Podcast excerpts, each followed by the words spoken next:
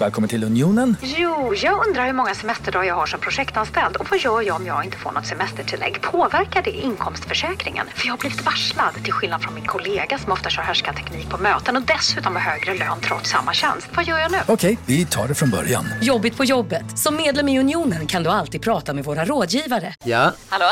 Pizzeria Grandiosa? Jag vill ha en Grandiosa capriciosa och en pepperoni. haha, något mer? Med kaffefilter. Ja, Okej, ses samma. Grandiosa, hela Sveriges hempizza. Den med mycket på. CSRD, ännu en förkortning som väcker känslor hos företagare. Men lugn, våra rådgivare här på PWC har koll på det som din verksamhet berörs av. Från hållbarhetslösningar och nya regelverk till affärsutveckling och ansvarsfulla AI-strategier. Välkommen till PWC.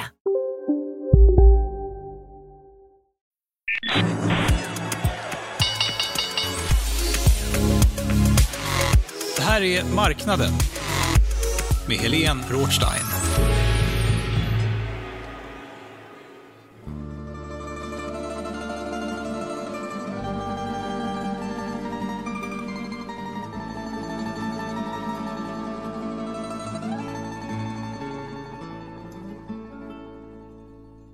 Hej och hjärtligt välkommen till podden Marknaden. Jag heter Helene Rådstein och idag så ska vi prata med Nord Streams ombud i en tvist mot EU. Men det är inte allt han är. Vi ska träffa Kai Hober. Han är advokat, professor i internationell investerings och handels, handelsrätt vid Uppsala universitet. Han har sysslat med affärstvister i över 40 år. Och eh, Kai Hober har varit en affärsjuridisk pionjär. Vid Sovjetunionens fall så designade han den juridik som användes när Ryssland skulle införa marknadsekonomi. Det är också så att den globala handeln den har inte utvecklats av sig själv utan det är personer som har arbetat med att sy ihop den. Kai Hober arbetar väldigt mycket med tvister, skiljeförfaranden kallas det på juridiska. Och eh, detta arbete är någonting som har förfinats under decenniernas gång. Och vi tar det från början. För lördagen den 4 april 1992 då säljs 30 statliga småföretag på en auktion i den ryska industristaden Nizjnij Novgorod.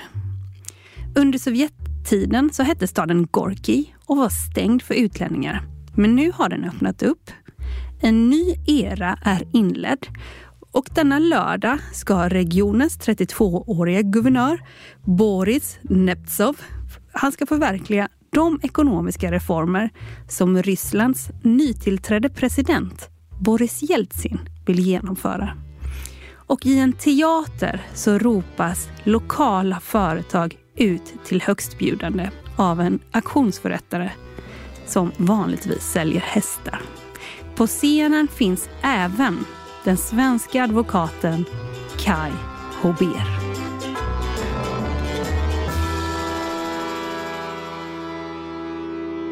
Jag var ju baserad kan man säga i Moskva då. Men vi förberedde då för den första aktionen i Nizjnij Novgorod. Då åkte man i regel nattåget.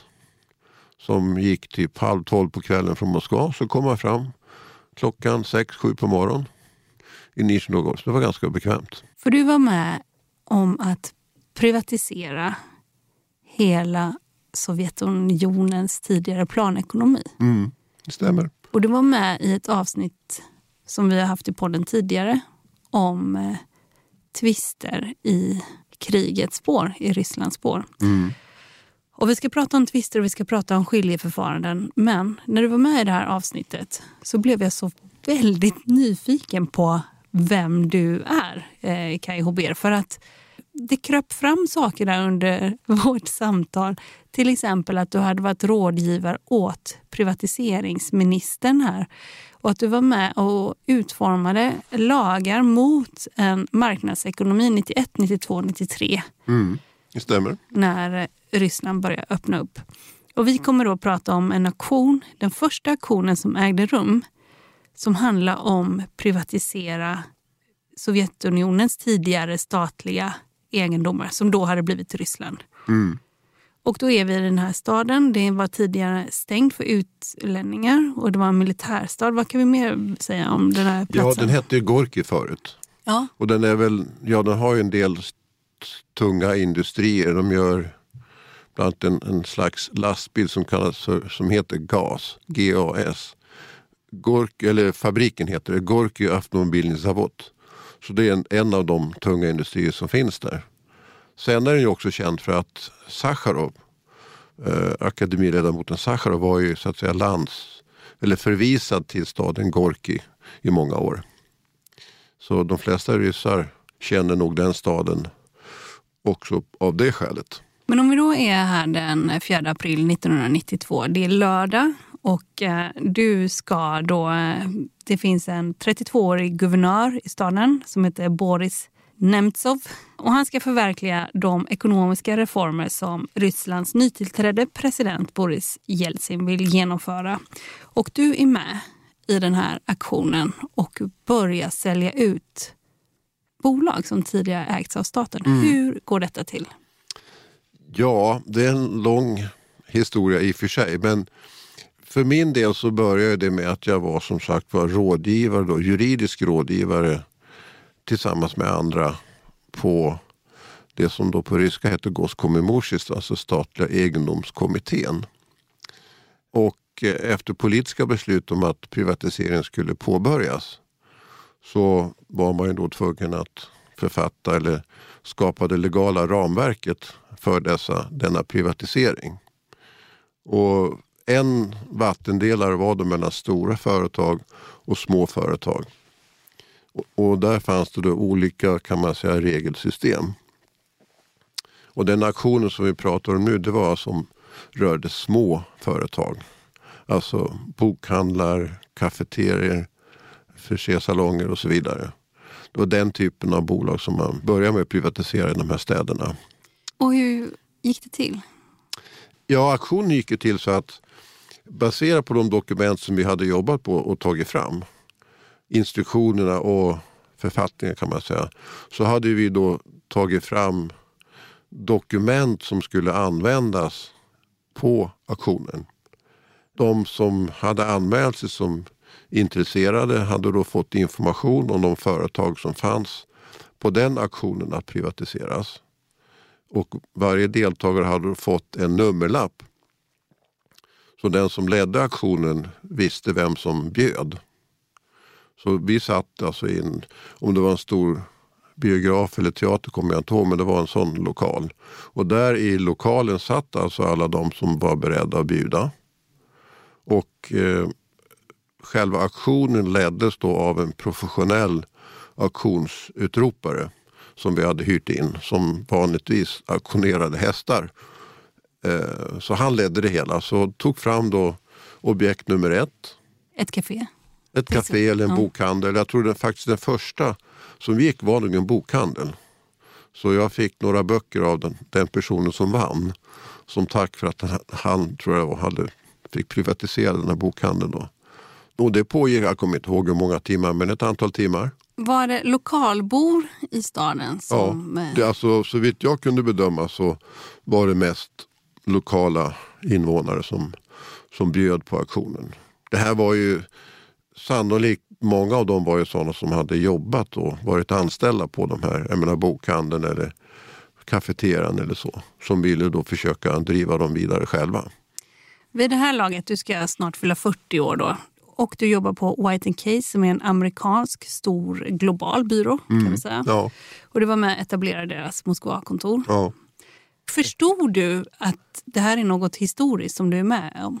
Ja, alla var ju väldigt medvetna om att det här var den första aktionen någonsin på rysk mark. Sen när man är mitt upp i det hela så tänker man inte liksom oj nu är jag med om något historiskt. Nej, men man, man vet ju att det här är första gången det händer. Och man är så upptagen av att se till att allting ska fungera enligt plan och så vidare. Så även om man vet i bakhuvudet så är det, man går inte runt i någon eufori riktigt över att ha varit med om världshistoria. Men så man fokuserar väldigt mycket på att se till att det ska fungera. Vän av ordning kanske undrar Hur kommer det sig att en svensk advokat hamnar på en teaterscen eller om det är en bio och auktionerar ut statsägda bolag som tidigare tillhörde Sovjetunionen?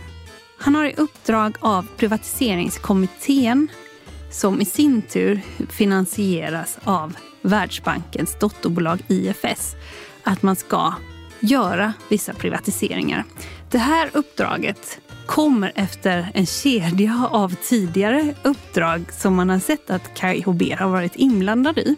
För via White Case, som nyligen har etablerat sig i Stockholm vid den här tiden där han jobbar, där har han företrätt sovjetiska bolag i skiljeförfaranden, alltså tvister, som de har haft med andra. Det här är under en era då Sovjetunionen mer och mer ska öppnas upp. Och den stora boomen kommer 1987 under Gorbatjovs styre. För då blir det möjligt att göra direktinvesteringar i Sovjet. Och när utländska företag börjar samägas med sovjetiska, då krävs nya joint venture-lagar. Och de här lagarna är HBR med att utforma och senare tillämpa. Men han är också verksam i Sovjetunionen som reseledare innan det öppnas upp. Och vi ska bara tillbaka till en bussresa här under tidigt 70-tal. På den tiden kunde man inte åka individuellt utan det var bara gruppresor. Och de allra flesta, från Sverige i varje fall, var ju bussresor. Eh, så jag jobbade för ett företag som hette Reso, saligt åminnelse, eh, som var nog den största researrangören på Sovjet. Och jag åkte då till Leningrad och till Moskva och ibland till Tallinn. Och till Leningrad och Moskva åker man buss. Man börjar söndag kväll på, på Sveavägen i Stockholm. Sen åkte man färja över till Finland. Och på måndag morgon så börjar man färden genom södra Finland och så småningom på måndag kväll kommer man fram till Leningrad. Senare Sankt Petersburg. Ja, precis. Och där var man då några dagar, sen åkte man hem. Eller så fortsatte man till Moskva. Trivdes du där då? Ja, alltså med resledarjobbet var ju jätteskoj. Och det var ju den, nästan det enda sättet på den tiden att öva sin ryska. Om man inte ville då tillbringa ett år som utbytesstudent i Moskva, vilket jag inte ville av olika skäl. Nej, sen, sen, så jobbet var ju spännande men det är klart man, alltså miljön i Sovjet var ju som det var. Och, och, och det lärde man sig snabbt att nej, men, hantera. När du säger att det var som det var, då tänker jag att det var liksom lite grått och lite dystert och ganska Ja, byråkratiskt krångligt. Ja, det- Va, va, vad menar du? Att Jo men absolut allt det där och påvert, brist på eftertraktade varor, matvaror och så vidare och såklart politisk repression. Alltså ingen, väldigt få i början vågar ju liksom ens prata med utlänningar och ha kontakter med utländska turister och utlänningar var ju riskfyllt för många ryssar.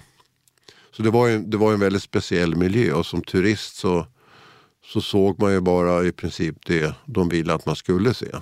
Så det var ju speciellt på så sätt. Men som ung student så var det också lite spännande att tjäna lite pengar på sommaren på det där sättet. Och det var under tiden du läste Mm. på juristprogrammet. Mm. Först lär du dig språket, du blir reseledare, du, åker, du blir liksom mer och mer intresserad av eh, sovjetisk rätt och du är också med då när Sovjetunionen faller och Mm. öppnar upp. Mm. Det här sker ju lite på sätt och vis gradvis men det är också en särskild dag liksom när hela Sovjetunionen faller. Men Mm. eh, vad tänkte du här innan det började öppna upp? Redan på 70-talet så förstod man ju, åtminstone de av oss som var där ganska ofta, antingen som res, resliga på annat sätt, att det här, det här kan aldrig hålla i längden. Eh, och när, när perestrojka-reformerna började så förstod man ju det ännu mer. Alltså när, när han började sin, att genomföra sina reformer, Gorbatjov, så blev det ju tydligare nästan för var dag hur illa ställt det var till exempel med planekonomin. Det, det funkar ju inte helt enkelt. Och den andra delen av reformen, glasnost, alltså öppenhet, betydde ju också att folk kunde ju kritisera. Det kom massor med nya tidningar och så vidare. Så det, det satte igång en rörelse som vi vet inte liksom gick att stoppa. Så under, jag skulle säga för min del i varje fall under slutet av Gorbatjov-eran så förstod man att det här, det här kommer inte att hålla särskilt länge till. Marknaden sponsras av SPP, pensionsbolaget. Eh, förra gången pratade vi lite om ITP. Och som en kort repetition så, så var det ju 70-tal, arbetsmarknadens parter bestämde att alla tjänstemän ska ha en tjänstepension. Man kom överens om vilka villkor som ska gälla i den här pensionen och så kallade man den för ITP. Så jobbar man idag som tjänsteman i ett företag med kollektivavtal, då har man förmodligen den här pensionen, ITP-pensionen. Eh, och det är ju så att man kan påverka eh, den här pensionen, hur den är placerad. Vart femte år så gör nämligen Collectum, som de heter, en enorm upphandling där olika pensionsbolag kan ansöka om att få förvalta eh, de här pensionerna. Och SPP är ett av bolagen som valdes ut i den senaste upphandlingen. Och sen kan du som pensionssparare välja eh, vilket av de här olika pensionsbolagen som, som då ska få ta hand om dina pengar. Och tanken med den här upphandlingen är ju att liksom kvalitetssäkra de här olika alternativen eh, men också att förhandla fram stora rabatter så att pensionsspararna ska få ja, kunna spara pengar genom att avgifterna eh, som är så viktiga eh, blir eh, lägre. Och vill man välja någonting i ITP-systemet då finns det en relativt ny sajt som heter avtalat.se. Ehm, där kan man gå in och se hur sin ITP-pension är placerad. Jag gjorde det häromdagen faktiskt. Ehm, idén är att hälften av pengarna alltid ligger i något som kallas för traditionell försäkring. Det här gjorde vi ett avsnitt om i podden Kapitalet nyligen eh, som vi kallade världens bästa sparform. kan man lyssna på om man är intresserad. Eh, den andra halvan eh, den kan man också lägga i en traditionell försäkring eller så kan man placera det i något som kallas för fondförsäkring. Eh, SPP som sagt eh, var ju ett av de fåtal bolagen som valdes ut i den senaste upphandlingen och de finns med som alternativ både med en traditionell försäkring och med eh, fonder. Så det var en liten bakgrund till ITP-systemet. Vill man läsa mer om det här eller typ kolla hur ITP-pensionen är placerad, eh, kanske göra förändringar, då går man in på avtalat.se. Eh, men tack säger jag till SPP som vill göra oss människor mer medvetna om hur enormt viktig pensionen är för oss som en framtida lön, men också som en positiv kraft i samhället eh, och förstås för att ni möjliggör eh, den här podden Marknaden. Du lyssnar på Marknaden med Helene Rothstein. Kai Huber börjar på White Case och White Case är den första amerikanska byrån som slår rot i Sverige. Precis som många andra delar av eh, näringslivets tjänsteindustri, till exempel inom revisionsbranschen, så sker det just nu många etableringar av utländska och stora drakar som kommer in på den svenska marknaden. Kai Huber börjar på White Case och etablerar deras kontor i Ryssland. Här i Moskva ska han senare få i uppdrag att privatisera Sovjetunionens tidigare statsägda bolag. Det här är dittills världens största ekonomiska experiment.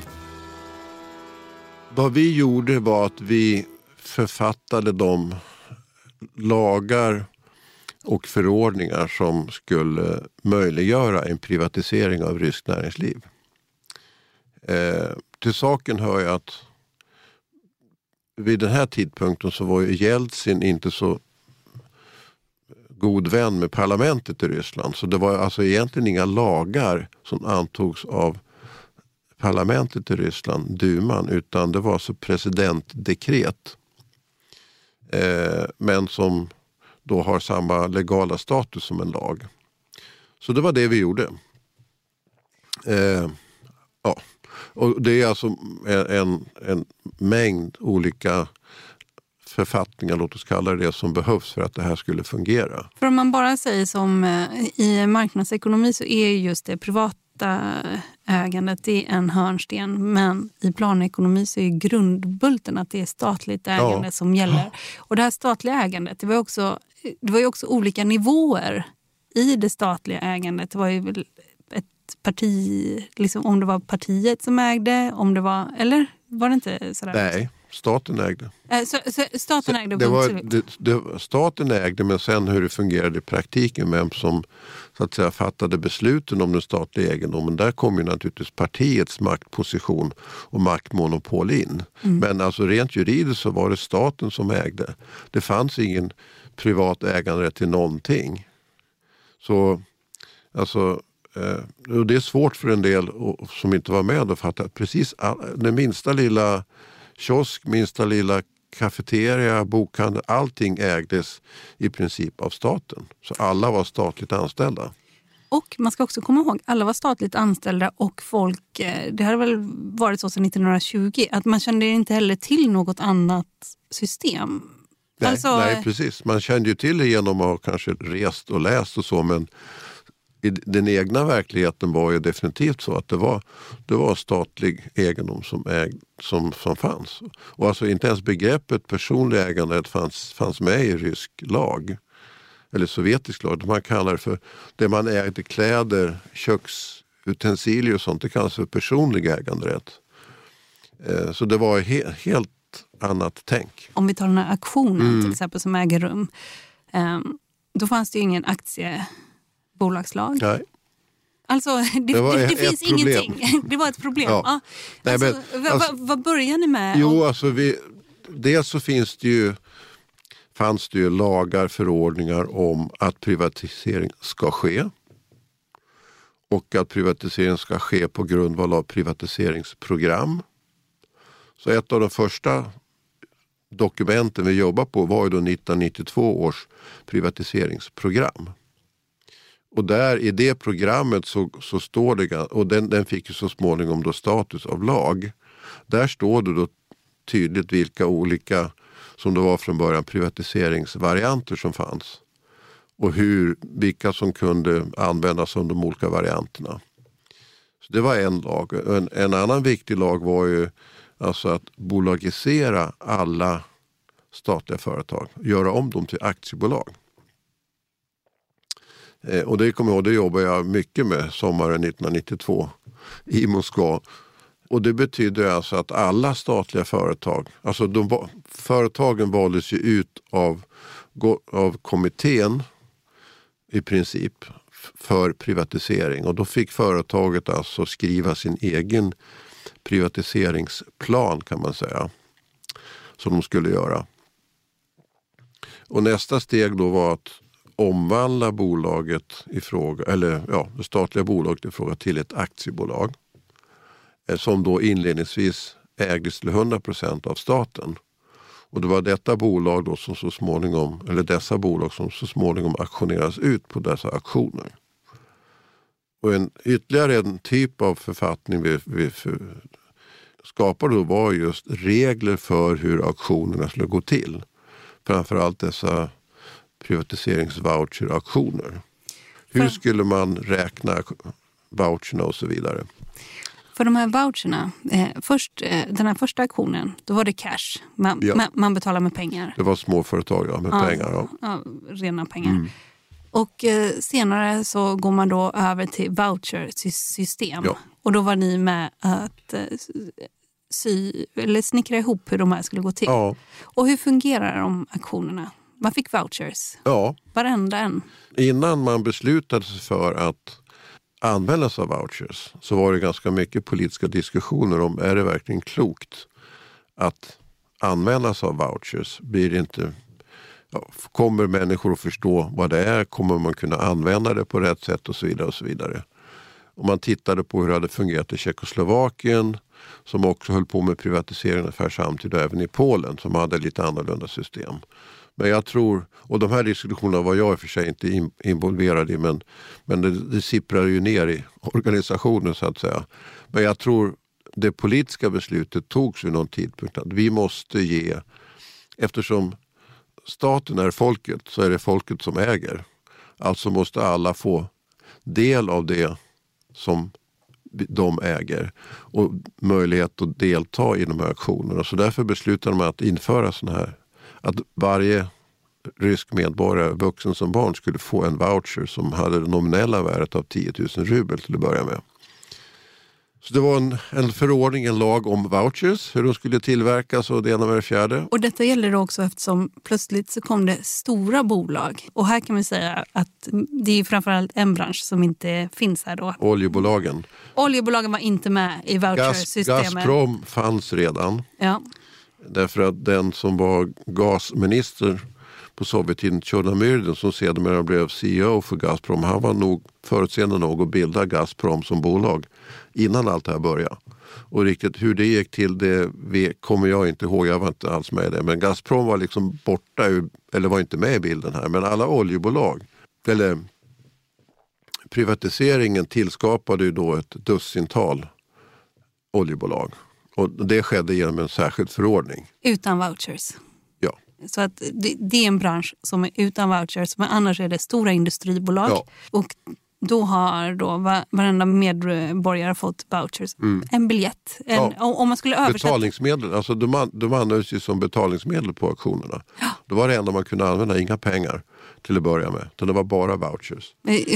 Fysiskt papper? Ja. Mm. När beslutet hade fattats om att alla skulle få en sån här voucher så var det ju många olyckskorpar som kraxade och sa hur ska, ni, hur ska ni någonsin kunna dela ut det här till Rysslands 150 miljoner invånare? Men lo and behold, det gjorde vi genom att anlita Sparbanken, alltså Sperbank, som ju fortfarande finns kvar, deras vitt spridda kontorsnät i hela Ryssland. Så när aktionerna började då i slutet av 92, då hade alla vouchers distribuerats. Och grejen var ju den att allt det här gick ju parallellt. Alltså för att en aktion skulle generera något intresse så måste det finnas möjlighet att betala alltså med voucher och då måste det finnas möjlighet att köpa. Alltså bolagen måste då vara färdiga för privatisering, alltså måste vara färdigbolagiserade. Så det gällde ju att ha hela tiden en pipeline av bolagiserade bolag att erbjuda på auktionerna. Annars skulle intresset för auktionerna i princip försvinna.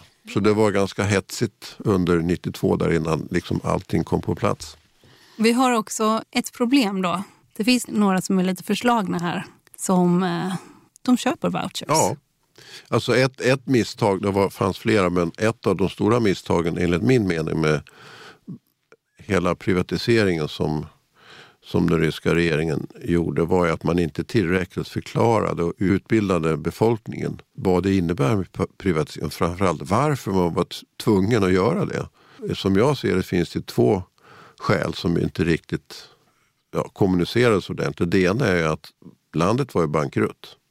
Ekonomin var ju bankrutt. Det fanns ekonomiskt sett inte så många andra alternativ. Och det andra skälet var ju att kommunistpartiet var ju då fortfarande stort. Alltså Jeltsin och hans gäng, de, de kände hur kommunisterna flåsade dem i nacken. Så för dem var det bråttom att omvandla, att slå sönder den gamla strukturen. Så att inte de gamla röda baronerna som hade suttit som chefer på de statliga företagen skulle bara fortsätta fast i annan, annan kostym så att säga. Så det, det här bråttom. skulle gå så fort som ja. möjligt för att man skulle skapa en motpart till, eh, ja, till, till kommunistpamparna. Liksom. Ja, man skulle bryta upp den gamla strukturen och skapa ja. en ny. Mm. Så tron då var ju, och den var nog rätt i och för sig, att när vi väl får privata ägare i bolagen som faktiskt bryr sig om, enligt sann kapitalistisk teori, att det här är min egendom, alltså kommer jag gå det extra mile för att tjäna mer pengar och göra det bättre och så vidare. Det var det som var teorin. Ett, ett annat problem, förutom de här två som jag nämnde, var ju att vi jurister tjatar ju på att men ni måste ju, innan ni börjar med det här, alltså sälja företag, då måste ni ha en, en bolags, aktiebolagslag. fanns inte då. Och ni måste ju ha en konkurslag. För jag menar, många av de här bolagen var ju i princip bankrutta. Ska man ju komma ihåg. Man, ni måste ju ha en, en lag som talar om för investerare och andra. Vad, vad, ska hända med det här bolaget när liksom skulderna vida överstiger tillgången? Vad ska ni göra då? Ja, det var flera sådana där, alltså ur västerländsk synvinkel, grundbultar i marknadsekonomi som vi påpekade men som man ansågs inte ha tid att göra då. Utan svaret var ofta, det, det får vi göra sen. Nu måste vi charge ahead. 150 miljoner vouchers distribuerades. Och innan detta drog igång så diskuterades det om detta var så smart. Skulle alla människor förstå vad en voucher verkligen innebar? Och man kan väl säga kortfattat att well, vissa förstod väldigt snabbt och andra gjorde inte det. Och de som förstod snabbt vad en voucher kunde innebära, där fanns också ett gäng som sedermera blev några av oligarkerna som eh, hade personer som åkte land och rike runt för dem och köpte upp vouchers som man kunde ha på auktionerna. Och antingen så kunde man fortsätta att själv investera i det här bolaget eller sälja det vidare då till en utländsk investerare. Och det fanns vissa då som samlade på sig till exempel bolag inom hela livsmedelssektorn. Det fanns absolut möjligheter för de som förstod hur man kunde utnyttja systemet och det fanns också personer som gjorde det. Man ska också komma ihåg att hela ekonomin var väldigt misskött och frågan var ju för många personer, vad ska jag med en voucher till i ett bolag som ändå är åt helvete? Och det, jag menar att, att så många ja, sålde sina vouchers eh, beror ju, skulle jag säga, till, till ganska stor del på att de inte riktigt förstod vad det var och den potential som det kan. Jag menar, har man en voucher kan man inte göra så mycket såklart, men man kan ju gå ihop med några andra. Till exempel, som men inte bara oligarkerna gjorde, det gjorde säkert en del andra också. Så det fanns ju en potential för, för många medborgare där, absolut. Vi har också då utländska företag, som kommer, också svenska bolag mm. som eh, Sandvik till exempel. Mm. som kommer. Är, är de med på de här stora auktionerna senare? Eller, när, när, senare? Jag tror inte de var med 92 vad Nej. jag kan komma ihåg. Eh, och jag tror att det svenska deltagandet i just privatiseringsaktionerna var nog ganska begränsat. Vilka utländska aktörer är det som ja, Jag skulle säga tyska, amerikanska, franska, ja. en del engelska. Mycket tyska företag. De möter vouchergänget och så kommer de med sitt, ja, eller alltså, ja, ja och nej. Alltså voucheraktionerna renodlade, de var bara enligt 1992 års privatiseringsprogram. Sen 1993 så arbetade vi fram 1994 års privatiseringsprogram som inte bara var voucher utan även kontanter. Och då blev det ju mer intressant såklart för icke-ryska företag att vara med och mycket enklare. Man ska komma ihåg att Kai Hober och andra utländska rådgivare de må ha varit finansierade av andra aktörer som exempelvis Världsbanken. Men det var också så att den ryska staten var klient och man skulle också anpassa sig som man alltid gör när man är rådgivare efter vad klienten säger. Och här verkar det ha uppstått en hel del friktion med tiden. Privatiseringsprogrammet som alltså började med att man sålde ut aktioner cash och senare övergick till vouchersystem och senare faktiskt blev det en slags hybrid mellan voucher och cash. Enligt Kai Huber så går det riktigt åt helsike när staten börjar med något som kallas Loans for Shares. 1995 års privatiseringsprogram som eh, kan man nog säga i stor utsträckning byggde på idén att man ska få in pengar till staten för att finansiera Jeltsins återval 1996. Grundtanken med privatiseringen från början var ju inte nödvändigtvis att få in pengar till staten utan att bryta upp den statliga ägandestrukturen och skapa en, ett privatägt näringsliv. Men 1995 så ändrades den synen kan man väl säga. Så då var det främst för att få pengar in till staten som kunde användas för återvalskampanjen. Och Loans for Shares innebar i stort sett att staten lånade pengar av ett antal banker då som till varierande grad ägdes av en del av oligarkerna mot säkerhet i aktier. Och när man så småningom då inte kunde betala tillbaka aktierna så skulle de säljas då på, på visst sätt på auktioner. Och det var i samband med det som de numera ganska kända, en del av dem i alla fall, oligarkerna i princip riggade de här auktionerna och såg till och bestämde sinsemellan. Du tar det här, jag tar det där och en tredje tar det. Och att jag skulle nog säga att även om det var många problem med privatisering även innan 1905 års program så var det det liksom som jag tror, enligt min uppfattning var i alla fall dödsstöten. Och att det blir så här då. Du, 95, då har du lämnat White Case. Och även och, kommittén. Och även kommittén. Ja. Eh, tog eh, uppdraget slut? Ja. Alltså som jag kommer ihåg det så fanns det inte, efter utgången av 93 så fanns det inte så stort intresse längre att ha utländska rådgivare. Eh, av skäl som jag inte riktigt har begripit. Men vad kan det vara för skäl? Jag vet inte. De kanske tyckte att de kunde det bättre själva. Ja. Eller kunde tillräckligt mycket själva. Ja. Eh, eller inte ville ha någon utländsk inblandning. För det fanns ju redan då kan jag säga. Jag menar, vi, vi kom ju dit med idéer om och erfarenhet av hur marknadsekonomin fungerar hos oss. Och de idéerna var ju inte alltid så populära såklart hos olika personer i, i politisk ställning i, i Ryssland. Utan vi fick, man fick ju inte så sällan svar, ja ja ja, men nu ska vi göra det här på vårt sätt. Kunde ni ha varit lite mer eh, tillmötesgående där? Eh, om vi kunde ha varit? Ja, eller om de kunde ha varit? Ja, de, de kunde ha varit, absolut. Nej, men alltså, det är väl ingen rocket science men vad som krävs för en marknadsekonomi. Men vissa saker måste man ju ha på plats, annars funkar det inte. Jag menar en aktiebolagslag, konkurslag och lite andra konkurrenslag och så vidare. Immaterialrätt tänker jag också. Det, det fanns ju för sig, alltså patent och varumärkesskydd fanns ju på Sovjettiden. Ja, ja det gjorde ja. det. det. det. var en sak som fanns. Ja. ja. Det, men alltså, det, var ju, det fanns ju men spel eller tillämpningsområdet för den typen av lagstiftning var inte precis särskilt stort. Eftersom allt är, liksom- Utan det var ju mycket i förhållande till utländska investerare eller företag som gjorde affärer i Sovjet på den tiden. Eh, men, så det, men det fanns eh, i, inte kanske helt up to date lagstiftning men, eh, nej, men så det var mycket av den legala strukturen som inte, inte fanns på plats och som borde ha funnits på plats innan man körde igång en sån här operation tycker jag. Och vi hade ju, eh, alltså det var ju, jag vet en, en person som var eh, ganska framstående i duman på den tiden som hade väldigt svårt att förstå principen om att ett aktiebolag, eller snarare att ägarna till ett aktiebolag inte äger bolagets tillgångar. Eh, eh, det är en grundprincip att du har ett bolag och bolaget har vissa tillgångar så är det bolagets organ som ska bestämma vad man gör med tillgångarna. Sälja, köpa, investera.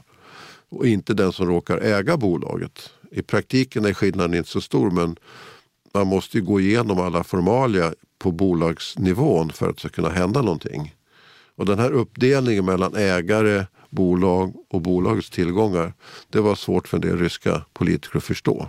Jag, menar, jag, jag äger 100 procent, jag får, kan göra vad jag vill, eller jag äger 80 procent. Så det, den typen av ganska grundläggande förståelse av en del saker saknades hos en del på den tiden. Jag anar en viss eh, frustration också. Ja, absolut. Ja. Nej men vi, alltså man måste ju komma ihåg den miljö som vi jobbade i. Det var ju, alltså vi gjorde ju så gott vi kunde vågar jag påstå för att förklara och, och, och, tala om för dem att så här kan man inte göra, så här borde man göra, så här måste man göra. Eh, men det, det, är ju, är man rådgivare så är man rådgivare, man är inte den som fattar besluten. Så antingen fortsätter man som rådgivare eller så gör man någonting annat. Eh, marknaden sponsras av Karla. Eh, vi pratar ju en hel del om bilar här på kontoret. Eh, Karla har ju skapat, skulle jag säga, det som är standarden för hur man idag köper och säljer bilar på nätet. Kort bakgrund bara. Karla säljer och leasar begagnade elbilar och laddhybrider på karla.se. Alltså en helt digital upplevelse. Och man har gjort det här med ett nästan maniskt fokus på vad en bilköpare faktiskt behöver. Jag gjorde ju en intervju med en av grundarna, Patrik Illerstig, i marknaden här eh, ganska nyligen, eh, daterad 25 mars, om man vill lyssna på den. Eh, men där berättar han hur de kom in i det här lite från vänster för att försöka uppfinna hela den här liksom bilköpupplevelsen från början. Och de har idag, vilket är rätt otroligt, 4,8 i betyg eh, på Trustpilot. Jag, jag har sett många företagssidor på Trustpilot, men det här är nog bland eh, det bästa jag någonsin sett eh, faktiskt. Man kan sälja bilen till Karla också. Eh, då går man in på karla.se, delar lite info om bilen, sen får man en gratis värdering och ett bud. De hämtar bilen helt gratis i hela Sverige och så har man pengarna på kontot i samma stund som de hämtar bilen. Det är grymt. Eh, så ska du köpa en ny bil eller sälja din gamla, eller båda delar för den delen, gå in på karla.se och eh, kolla. Alltså karla.se och Karla stavas med C. Tack så mycket till Karla. Du lyssnar på Marknaden med Helene Rothstein. Rysslands ekonomi har ju genomgått ett antal kriser kan man säga. En var 95, en 98 och den tiden, alltså ekonomiska kriser, dels förestavad av vad som hände där tror jag i sig, men också vad som hände i världsekonomin. Så det var ju ganska mycket upp och ner på den ekonomiska sidan kan man säga i Ryssland. Men samtidigt då såg ju många investerare och investment banks möjligheter av olika slag. Så det var, jag skulle säga att det var ganska booming, boomtown över Moskva. Åtminstone ja, större delen av 90-talet skulle jag säga. Mycket, mycket att göra. För det som jag tänker också, det, du är med och sätter en viss legal struktur på plats här i början och du får lite inblick bakom kulisserna när en ny form av kommersiellt anpassad juridik tar form. Liksom. Mm. Och sen så är ni också med, tänker jag, en del västerländska bolag och senare också som eh, skiljeman och som du ska ge dig in på mer och mer internationella tvister och så vidare. Då så eh, lockar man ju också till sig ryska affärsmän att avgöra sina tvister i Sverige, mm. i Stockholm. Och man lockar också, och det sker nästan, kan man säga att det sker en utbildning kring skiljeförfaranden? Eh, eller liksom förstår, alltså om man tänker sig att det vanliga, man skulle få vissa juridiska saker på plats till att börja med. Liksom handel och mm. det här är ett aktiebolag och vad händer om ett bolag går i konkurs och sånt som inte hade funnits mm. eh, tidigare. Och sedan då i ett steg två så tänker jag, oh, vad händer när ett bolag inte fungerar? Eh, när det uppstår ett tvist med en annan part. Mm. Då kommer skiljeförfaranden in mm. i bilden. Mm. Eh, hur, eh, liksom, hur gör man för att få en rysk motpart här i skiljeförfaranden? Man skriver ett avtal som innehåller en skiljeklausul. Ja. Och det var det ni gjorde jätteofta? Ja, absolut. Ja. Nu ska man komma ihåg att under Sovjettiden så var ju all utrikeshandel sköttes ju av ett antal, ungefär 50 så kallade utrikeshandelsföretag. Det var ju statligt utrikeshandelsmonopol då. Och de som jobbar på de bolagen var i regel ganska väl förtrogna med internationella skiljeförfaranden. För de hade alltid sådana klausuler i sina kontrakt. Antingen försökte de få tvisten till handelskammaren i Moskva eller som andrahandsalternativ väldigt ofta Stockholm. Så många ryska jurister som var med i utrikeshandelssvängen de fortsatte ju sen så att säga, i det privata näringslivet och, och var kunniga och kände till det här med skiljedom. Så just idén att tvister ska slitas genom eh, skiljedom den var nog ganska väl förankrad skulle jag säga hos många både ryska eh, jurister och affärsmän. Och, och, detta kom, och, detta, och detta var långt innan då privatiseringen? Det, ja. För detta började då eh, 1977? Eh, ja, alltså eh, efter andra världskriget. Ja, efter andra alltså, världskriget. Ja, 50-60-talet skulle jag säga. Det... Att, att, att, jag säger 77 det var för att det, det var två parter som kom överens. Ja, ja du menade ja. optional clause agreement. Ja. Yes. ja, nej men det var väl då, det har du rätt det var ju då som Stockholm liksom sattes ordentligt på den internationella skiljedomskartan, absolut. Även om ni bråkar väldigt mycket nu här under kalla kriget så ska tvisterna ja. lösas i Stockholm. Ja, precis. Sen eh, så är du där i Moskva och eh, det går bra liksom, för byrån. Man bygger mm. upp ett kontor. Och vad är det nästa som händer? För att så småningom så blir du ju också en eh, nästan PR-maskin för Stockholms handelskammares skiljedomsinstitut. Så småningom så vet jag att du liksom åker till Nordkorea och du är på Sri Lanka och promotar liksom svensk rätt och att man ska lösa sina internationella tvister i Stockholm. Vad, vad hände här egentligen? Ja, alltså jag, jag vet, jag var ju, har ju varit med i styrelsen för Skiljedomsinstitutet i många, nästan 20 år. Och det började väl någon gång då, mitten av 90-talet kanske, jag kommer inte ihåg. Men alltså hela, hela institutets styrelse, framförallt då under ledning av Ulf Franke, var ju angelägna om dem att, att ja, marknadsföra Stockholm helt enkelt. Stockholm var ju vid det här laget, och vi nu är framme typ 90-talet, mitten av 90-talet eller så, då var ju Stockholm redan känt. Eh, alltså som ett centrum för öst-väst-tvister kan man säga. Och det ville vi ju såklart spinna vidare på. Och, och in, få andra intresserade av möjligheten att slita tvister i Stockholm. Så det var ett ganska intensivt resande hit och dit. Mycket till eh, Sovjet eller Ryssland, Ukraina. Vi har ju haft väldigt goda, goda förbindelser med Ukraina och hjälpt Ukraina väldigt mycket att sätta upp sitt skiljedomsinstitut. Var du med i den processen ja, också? Ulf och jag framförallt. Och en del andra personer också som var med där och höll seminarier och pratade på seminarier och sådär.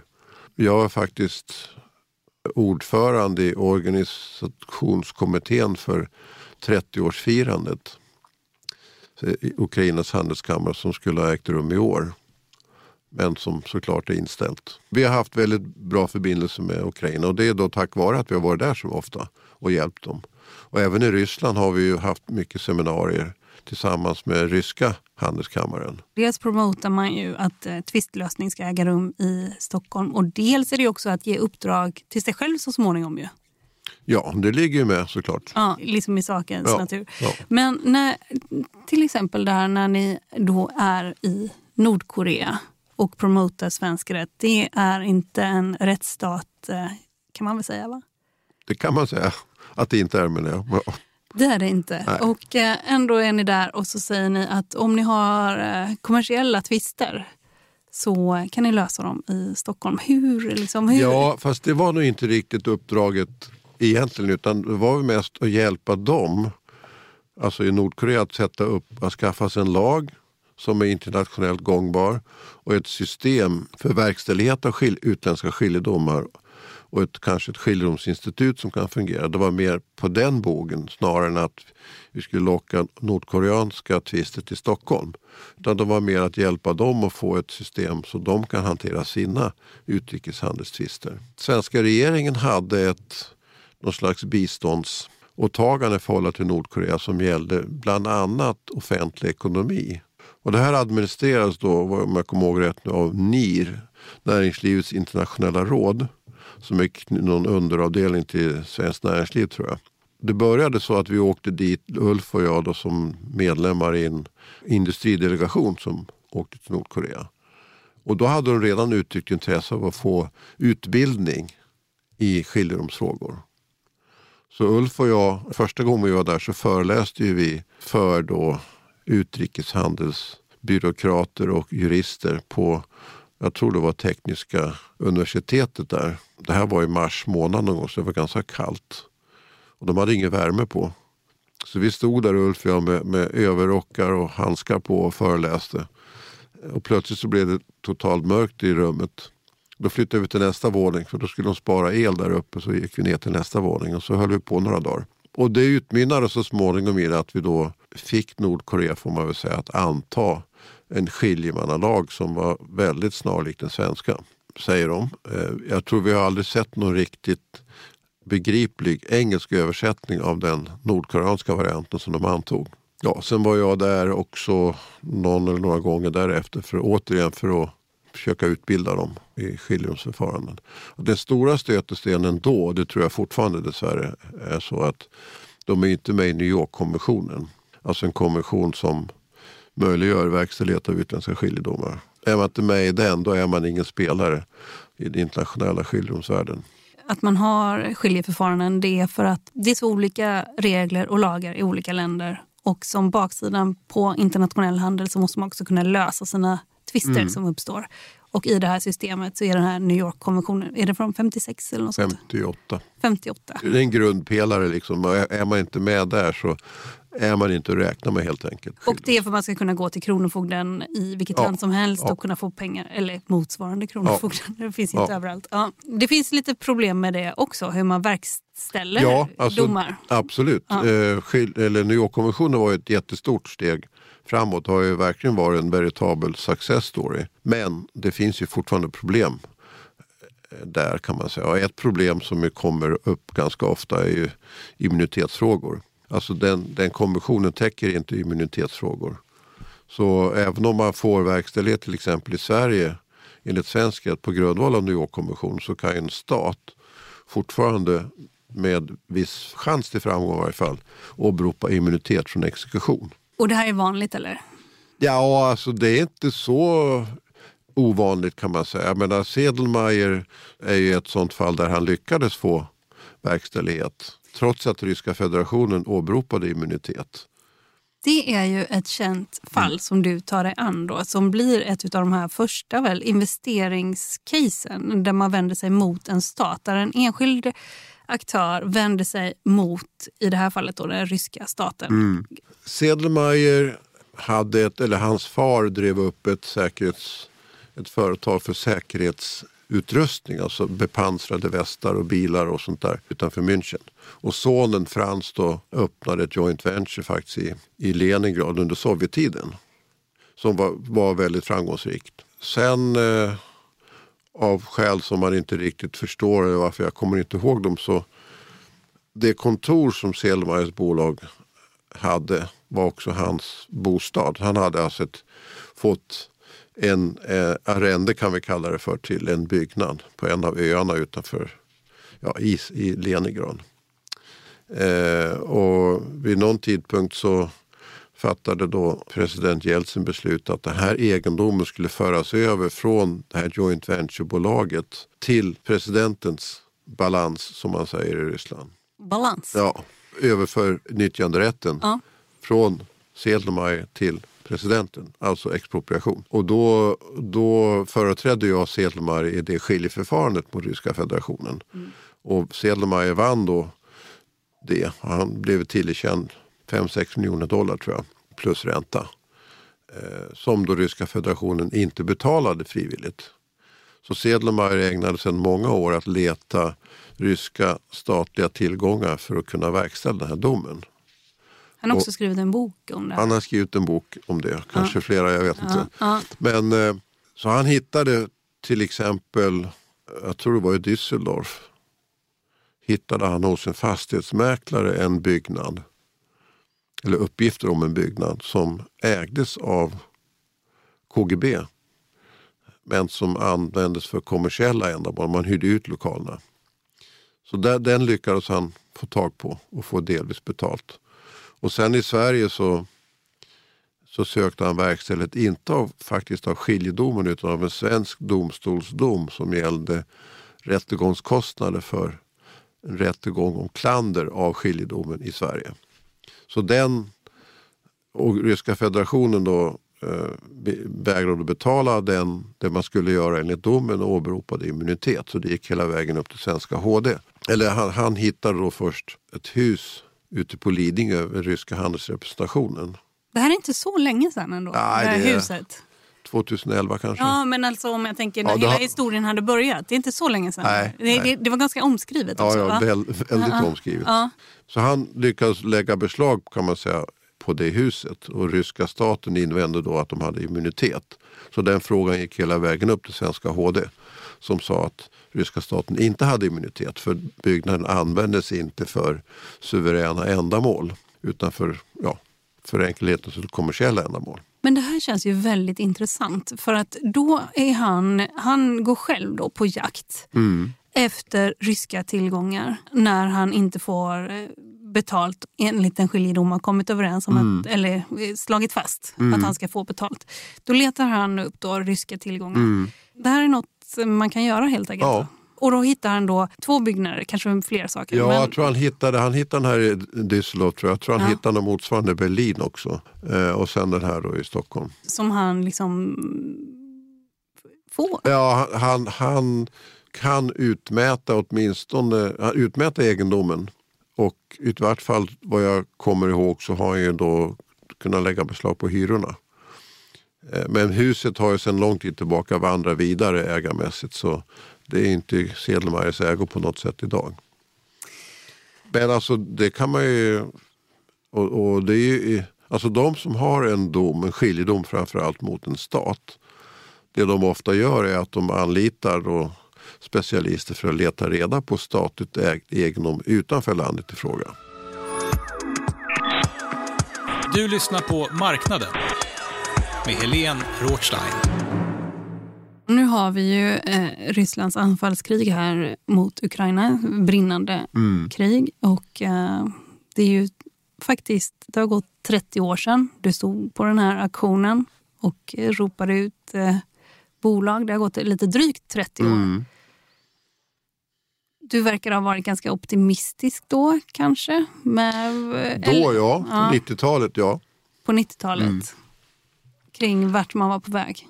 Ja, det kan jag nog säga. Och den optimismen höll i sig även när du såg att den här privatiseringen faktiskt höll på att gå åt helvete. Så var det också liksom en ekonomisk Ja, utveckling. Men, ja, men alltså den, den, eh, den, den stora, som jag ser det, vinsten trots allt om man anlägger ett, ett liksom helikopterperspektiv det är att alltså det ryska näringslivet blev privatiserat, det blev i privat ägo på kort tid. Det skedde på vissa håll och kant till ett högt pris men det har man åstadkommit. Och den förändringen kan ingen vrida tillbaka. Äganderättsförändring alltså. Och det är ju, det är ju ett steg, eh, oerhört viktigt steg i, i Rysslands historia skulle jag säga. Det, och det, det resultatet är bestående. Sen har det funnits även slutet på 90-talet skulle jag säga problem med korruption, eh, bristande affärsetik och sådana saker som ju för all del finns i många andra länder också. Men de känns, eller kändes då i varje fall, rimligt hanterbara. Som jag förstår det, när hela privatiseringen också drog igång så man, man släppte priserna fria Mm. utom oljebolagen. Eh, där det var väldigt, väldigt lågt värderade. Eh, man kunde köpa typ ett ton olja för ett paket cigaretter, sälja vidare för hundra. Eh, ungefär så. Mm. Det, det kan stämma. Ja, jag har läst det om. Det, var, det är en svensk ekonom som... Ja, Anders Åslund. Det, Ja. vi- Känner ni varandra? Ja. Han var, alltså Anders var ju också en av dem som var med i privatiseringskommittén. Alltså som rådgivare liksom jag. Ja. Men detta då skapar ju också en typ av oligarker Mm. ju, som vi faktiskt inte nämnde tidigare, eller hur? Mm. Ja. Ja, Ja. det kan man säga. Men alltså hela oligarkstrukturen som den utmejslades så småningom bestod ju att man ägde ett oljebolag, ett tv-bolag och en bank. Det var liksom treklövern som, som man behövde. Och många av oligarkerna har ju under varierande tidsperiod ägt oljebolag. Jag menar, Jukos och Khodorkovsky till exempel. Berezovsky ägde något som heter Sibneft och så vidare. Och det är klart, jag menar med den enorma tillgång, tillgångar man har av olja i Ryssland så är det ju en kassako för vem som helst. Jag, jag, jag skulle vil- vilja lägga till också metall, alltså om vi tar som aluminium till Mm. exempel. Jodå, alltså, det, är alltså olja snedstreck naturtillgångar. Ja, där har vi skulle det. jag nog säga. Ja, ja. Eh, absolut. Ja. Alltså den som eh, var arkitekten bakom det här 1995 års program. Eh, Potanin. eh, Är nog den enda oligarken som bor kvar i Ryssland. Men han är ju majoritetsägare i världens största nickelbolag, Norilsk Nickel. Oljan snedstreck naturtillgångar är liksom en, en, en av de här tre klövrarna. Och de här oligarkerna finns ju inte kvar. De är i London, eh, jättemånga. Och Potani är kvar. Mm. Eh, eh, kan man säga så? Är det lite slarvigt att säga så?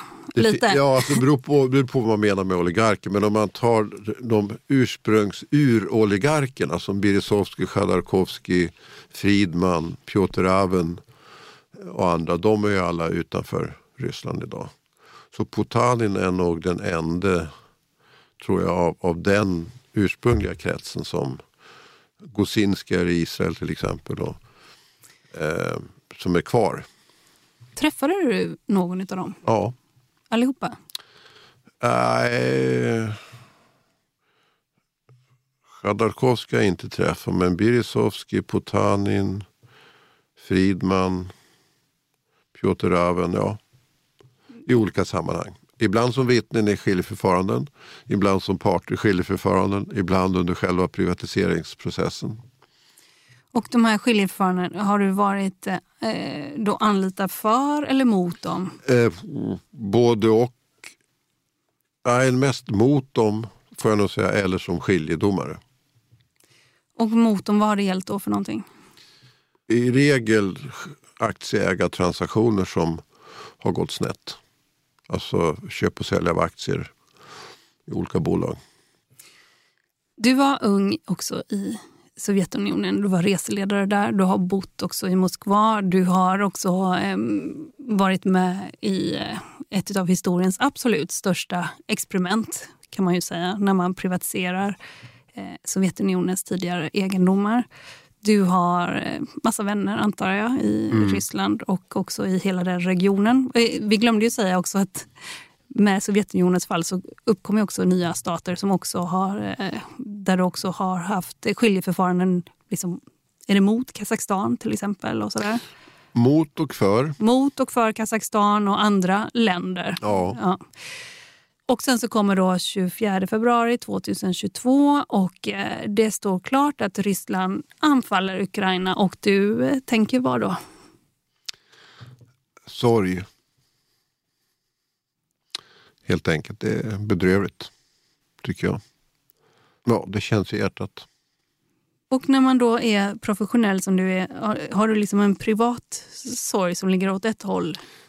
Ja, om, om du förstår vad jag menar. Ja. Nej, men det jag säger nu det är ju på det, ja, kalla det för privata plan. Ja. Jag menar, jag känner ju och har känt länge folk på båda ställena och det är, det är en fullständig katastrof. Mest naturligtvis i Ukraina men även i Ryssland.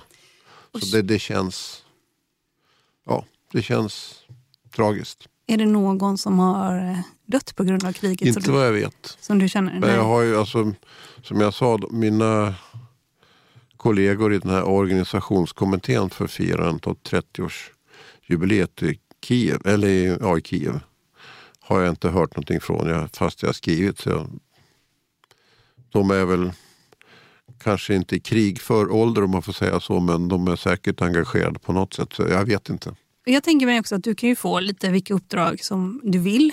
Och när vi talades eh, vid senast, eh, det här programmet som heter Affärstvister i krigets spår, då pratar vi också om att du eh, också nu företräder i princip Gazprom, där eh, ryska energibolaget som ja, där de har chefer som... Eh, folk som jobbar för dem kan ju försvinna på olika sätt. Och det, det verkar väldigt liksom hård för mm, miljö kan man ju säga också i Gazprom.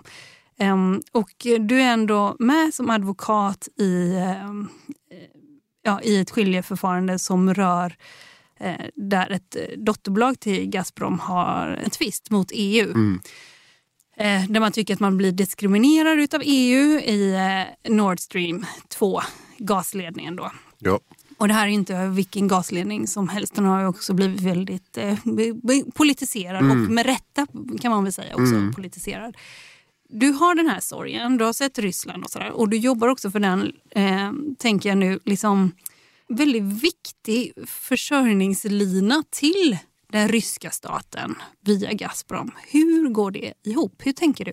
Ja, men som jag tror jag sa förra gången så jag tycker inte, jag menar, som advokat så tycker jag att jag har en skyldighet, en moralisk och etisk skyldighet att hjälpa den som kommer till mig och ber om hjälp. Det tycker jag, så rättvisan måste ändå ha sin gång. Man måste få chans att se att rättvisan har sin gång. Så tänker jag. För så tänker också advokater väldigt mycket. Alltså man kan ju säga att en advokats roll är att företräda pedofiler eller mördare ja. och liksom eh, krigsförbrytare eller vilka som helst. Mm. Kan man översätta det till en stat, tycker du?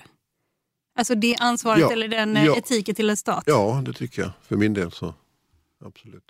Och har du någon... alltså det, det, om, man, om man inte... Ja, var och en har ju sin uppfattning såklart. Ja. Och jag vet att det är många kollegor, tror jag, som inte delar min uppfattning. Mm. Eh, och jag har ju förstått att det är svårt för ryska klienter att få någon hjälp i Stockholm till exempel. Eh, jag tycker inte det är korrekt.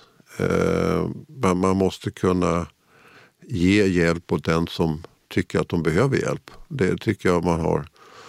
Ja, för mig är det en skyldighet som advokat och ge den hjälpen. Alltså om man skulle börja som advokat, och det gör säkert en del redan nu, men att välja klienter utifrån politisk korrekthet och så vidare. Då, varför ska man företräda kinesiska företag? Eh, till exempel. Varför ska man, och så vidare. Man kommer man riskerar att, tycker jag, hamna i ett väldigt konstigt läge. Jag hör också advokater så här på stan kan säga att Jo, men det här klingar också lite falskt för man får så himla bra betalt som skiljeman. Att liksom just eh, om man skulle jämföra det, översätta det till exempel att företräda en mördare eller sådär. Så är det ju liksom, det blir svårare att, eh, att säga att jag gör det rent etiskt när det handlar om så himla mycket pengar som man får som eh, i ett skiljeförfarande. Så, liksom att pengar ändå styr eh, i slutändan. Vad säger, du, vad säger du till de som säger så? Ja, ja, ja det, det, är väl också individuellt tänker jag om det är pengarna som styr eller inte. Det är klart att man, man får, alltså som skiljeman får man ju inte så himla bra betalt som du sa nödvändigtvis. Eh, Nej men du får det? Ja, inte, jag får ju samma betalning som som andra skiljemän får i ett sånt mål. Men man får, är man ombud så är det en annan sak. Då kan man ju få bra betalt såklart. Mm. Absolut. Men, men eh, ja, för min del kan jag bara säga att det, det är inte pengarna som är avgörande. Självklart vill man, vill man bli arvoderad på ett rimligt sätt. Men om jag skulle få x miljoner extra för någonting så skulle det inte vara det som vore den avgörande saken för min del. Vad är det då för din del? Det är ju ärendets natur skulle jag säga. Ja. Jag menar, det här eh, Nord Stream 2-frågan eh, är ju en tvist som rör Energy Charter Treaty. Mm. Som jag har hållit på med i många år och skrivit en ganska tjock kommentar till. Så det är huvudtaget... Kan, kan man säga kort vad det är? Energi... Eh, Energistadgefördraget heter det på svenska. Och det är alltså en investeringsskyddsavtal som gäller energisektorn. Och där de flesta europeiska länder är med som ratificerande parter. Eh, Ryssland var med, eller skrev under men ratificerade inte. Eh, så Ryssland är borta. Eh, just det. Men det här är ju alltså mellan Nord Stream 2 ett schweiziskt bolag som har då påkallade skiljeförhandlingar mot EU. Så det här är, och det är första gången som EU är svarande i en sån här tvist. EU har nämligen själva skrivit på det här traktatet vilket de kanske ångrar idag. Jag vet inte, men det har de gjort. Det var ju, den tillkom ju på deras initiativ. Så det är det som var grund eller startpunkten för mig när jag tog mig an det här målet. Så det handlar om alltså att eh, EU har då antagit en ändring i det som kallas för gasdirektivet. Som innebär att, säger vi, den, den enda pipelinen som berörs av den här ändringen är Nord Stream 2. Och man har gjort den ändringen, säger vi, för att förhindra att Nord Stream 2 ska så liksom komma igång. Ehm, och vi menar nog att vi har ganska mycket på fötterna på den punkten. Och om vi har rätt så betyder det att EU har brutit mot fördraget. Man har diskriminerat Nord Stream 2.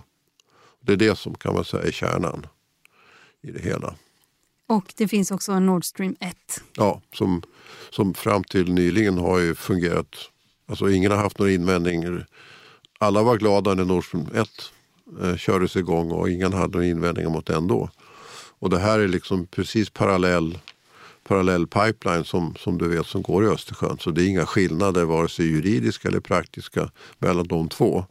Förutom den här ändringen som har gjorts. Och EU har då på olika sätt försökt maskera det här som en allmän ändring av det här gasdirektivet. Vi säger det är bara nonsens. Det är helt klart inriktat mot Nord Stream 2 från början till slut. Men när du företräder dem, då är det du och eh, det, i ja. huvudsak eh, Gazprom också som säger det? Ja, Gazprom äger ju Nord Stream 2 men Gazprom är ju inte involverad i den här tvisten. Nej, Nej. utan, utan det schweiziska dotterbolag. Ja, de, de, har ju liksom en, en, egen styrelse och egen management, eller hade. De är ju, alla är uppsagda nu på grund av då sanktioner och så. Man kan se Kai Hobers värv nästan som en slags juridisk missionär. Han har åkt över jorden för att missionera tvistlösning. Att när man har sina tvister, när man bråkar så ska dessa lösas på ett civiliserat sätt. Han har haft alla möjliga stater som klienter. Han har också varit drivande och haft oss som motpart i flera olika fall. Och det är från Kazakstan, Ryssland till Ukraina till att åka till alltså Nordkorea och stå och verkligen predika om tvistlösning. Men vad är det då som gör att detta är så viktigt? Jag tror alla, eller i varje fall väldigt många, inser att handel leder ofta framåt. Och handel innebär väldigt ofta att man helst inte bråkar med varandra. Alltså inte krigar med varandra. Så alltså en, en, en sund och bra handelsförbindelse med ett land eh, förstörs, vill man sällan förstöra genom att ja, börja kriga eller bråka eller på annat sätt. Så att hand, internationell handel är bra, det är för mig ganska självklart. Alltså, det finns problem och det finns nackdelar men i princip så är det bra. Eh, och lika självklart är det för mig att det bästa sättet allt sammantaget att slita handelstvister, alltså kommersiella tvister mellan företag, är att gå till skiljenämnder. Som inte, sitter, som inte är beroende av något land, som inte är beroende av några domstolar. Utan som sitter där för att parterna har satt dem där och som tar sina order, så att säga instruktioner från parterna. Och där man avgör tvisten på grundval av de fakta och material och bevis som presenteras för skiljenämnden. Och det är liksom, en, ja, kalla det för ett framgångsrecept i princip. Sen där det finns det ju problem och svårigheter att genomföra allt det här. Men jag tror det är den drivkraften som i varje fall jag har haft och jag tror även inom handelskammaren och inte bara i Sverige utan andra skiljedomscentra att det här är bra. Det här för liksom handeln framåt det här och handeln för förhoppningsvis fred och samverkan framåt också. Så det ligger alltså allvar bakom det. Och, men, och det gör det ju inte sämre att vi tycker det är roligt. Vad kommer hända förresten med det nu? Nu är det ju pausat och eh, det är sanktioner som... Eh... Ja, det är fortfarande pausat och vi ska ha ett eh, eh slags möte här i mitten av oktober och diskutera frågan vad som händer. Så det, jag vet inte, är korta svaret. du vet inte. Eh, och du ska iväg till London vet jag nästa vecka. Mm. Vad ska du göra där? Jag ska ha överläggningar i ett annat mål där jag sitter som skiljeman. Som inte är publikt? Nej. Är det hos SEC? Nej, det är Världsbanken, alltså ICSID. Alltså deras skiljedomsinstitut? Ja, precis. Ja. Har du några fler pågående mål? Ja, ja. ja. Hur, hur, hur, många har du ungefär? Ja, jag tror jag har 17-18 mål. Hur kan man ha så många mål? Ja, det går alldeles utmärkt. Alltså man, alla, är ju, alla, eller alla är ju på olika nivåer. Några är i slutfasen, några är mitt i, några är i början. Av dem är jag kanske ensam skiljeman eller ordförande i fem eller sex. Um. Nej, men alltså det, det går ju alldeles utmärkt. Och, ja, med lite disciplin och planering så går det bra. Har du någon assistent eller så? Eller? Då och då. Alltså när jag är ordförande eller själv. Då har jag i regel en, en assistent, en sekreterare som hjälper mig. Alltså inget permanent utan jag plockar lite efter behov. Nu skrivs kanske färre kontrakt med väst eh, och mm. ryska bolag och man kan tänka sig att de då vandrar vidare. Skiljeklausulerna, var man ska avgöra sin tvist mm. någonstans, eh, kommer inte stå då i något västerländskt ställe. Eller hur, hur ser det ut just nu? Du... Ja, det är väl lite svårt att säga men alltså för det första så finns det ju ett antal redan skrivna kontrakt med till exempel ryska företag som föreskriver då skiljeförfarande i Stockholm. Alltså jag har inga statistiska uppgifter men erfarenhetsmässigt så borde det vara så. Eh, det är riktigt att sen, sen sanktioner infördes mot Ryssland efter 2014, tror jag, så har det liksom utgått ett påbud från ryska staten att inga, stora, inga statliga ryska företag får eller ska sätta in skiljeklausuler till något skiljedomscentrum i Europa. Och då har då Hongkong och Singapore seglat upp som populära ställen. Så där kan man väl tro att de kontrakt som eventuellt skrivs idag eller sen invasionen eller kanske mellan 2014 och invasionen till stor del föreskriver Singapore kanske mer än Hongkong. Och skiljeförfaranden i sig och att kunna lösa tvister i sig. Eh, vad är den största utmaningen mot det här systemet? Ett problem är att många tvister har blivit onödigt omfattande och komplicerade. Alltså det beror inte på systemet utan det beror på parterna.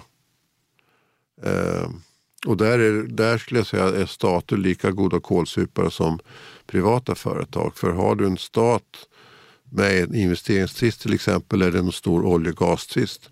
De vill vinna och de spelar lika fult eller inte fult som privata aktörer gör. Så det är alltså den, den konstlade komplexiteten tycker jag är ett problem. Och med den följer också, och vad som är hönan ägget kan man möjligtvis diskutera. Det är så mycket olika regleringar av skiljeförfarandet. Inte nödvändigtvis på lagstiftningsnivå. Men olika professionella organisationer som har guidelines och riktlinjer och det ena med det fjärde. Så jag skulle säga att skiljeförfarandet riskerar nästan, som tyskarna skulle säga, att bli totregulirt. Det blir för mycket regler. Eh, när jag började med skiljeförfarande 1982 då var det liksom en ganska exotisk sak att göra. Det fanns inte många experter. Det kanske var fem, sex stycken i hela världen som kunde kalla sig experter på området. Nu är liksom varje stor advokatbyrå, USA, England, Sverige, Tyskland är liksom experter på skiljeförfaranden.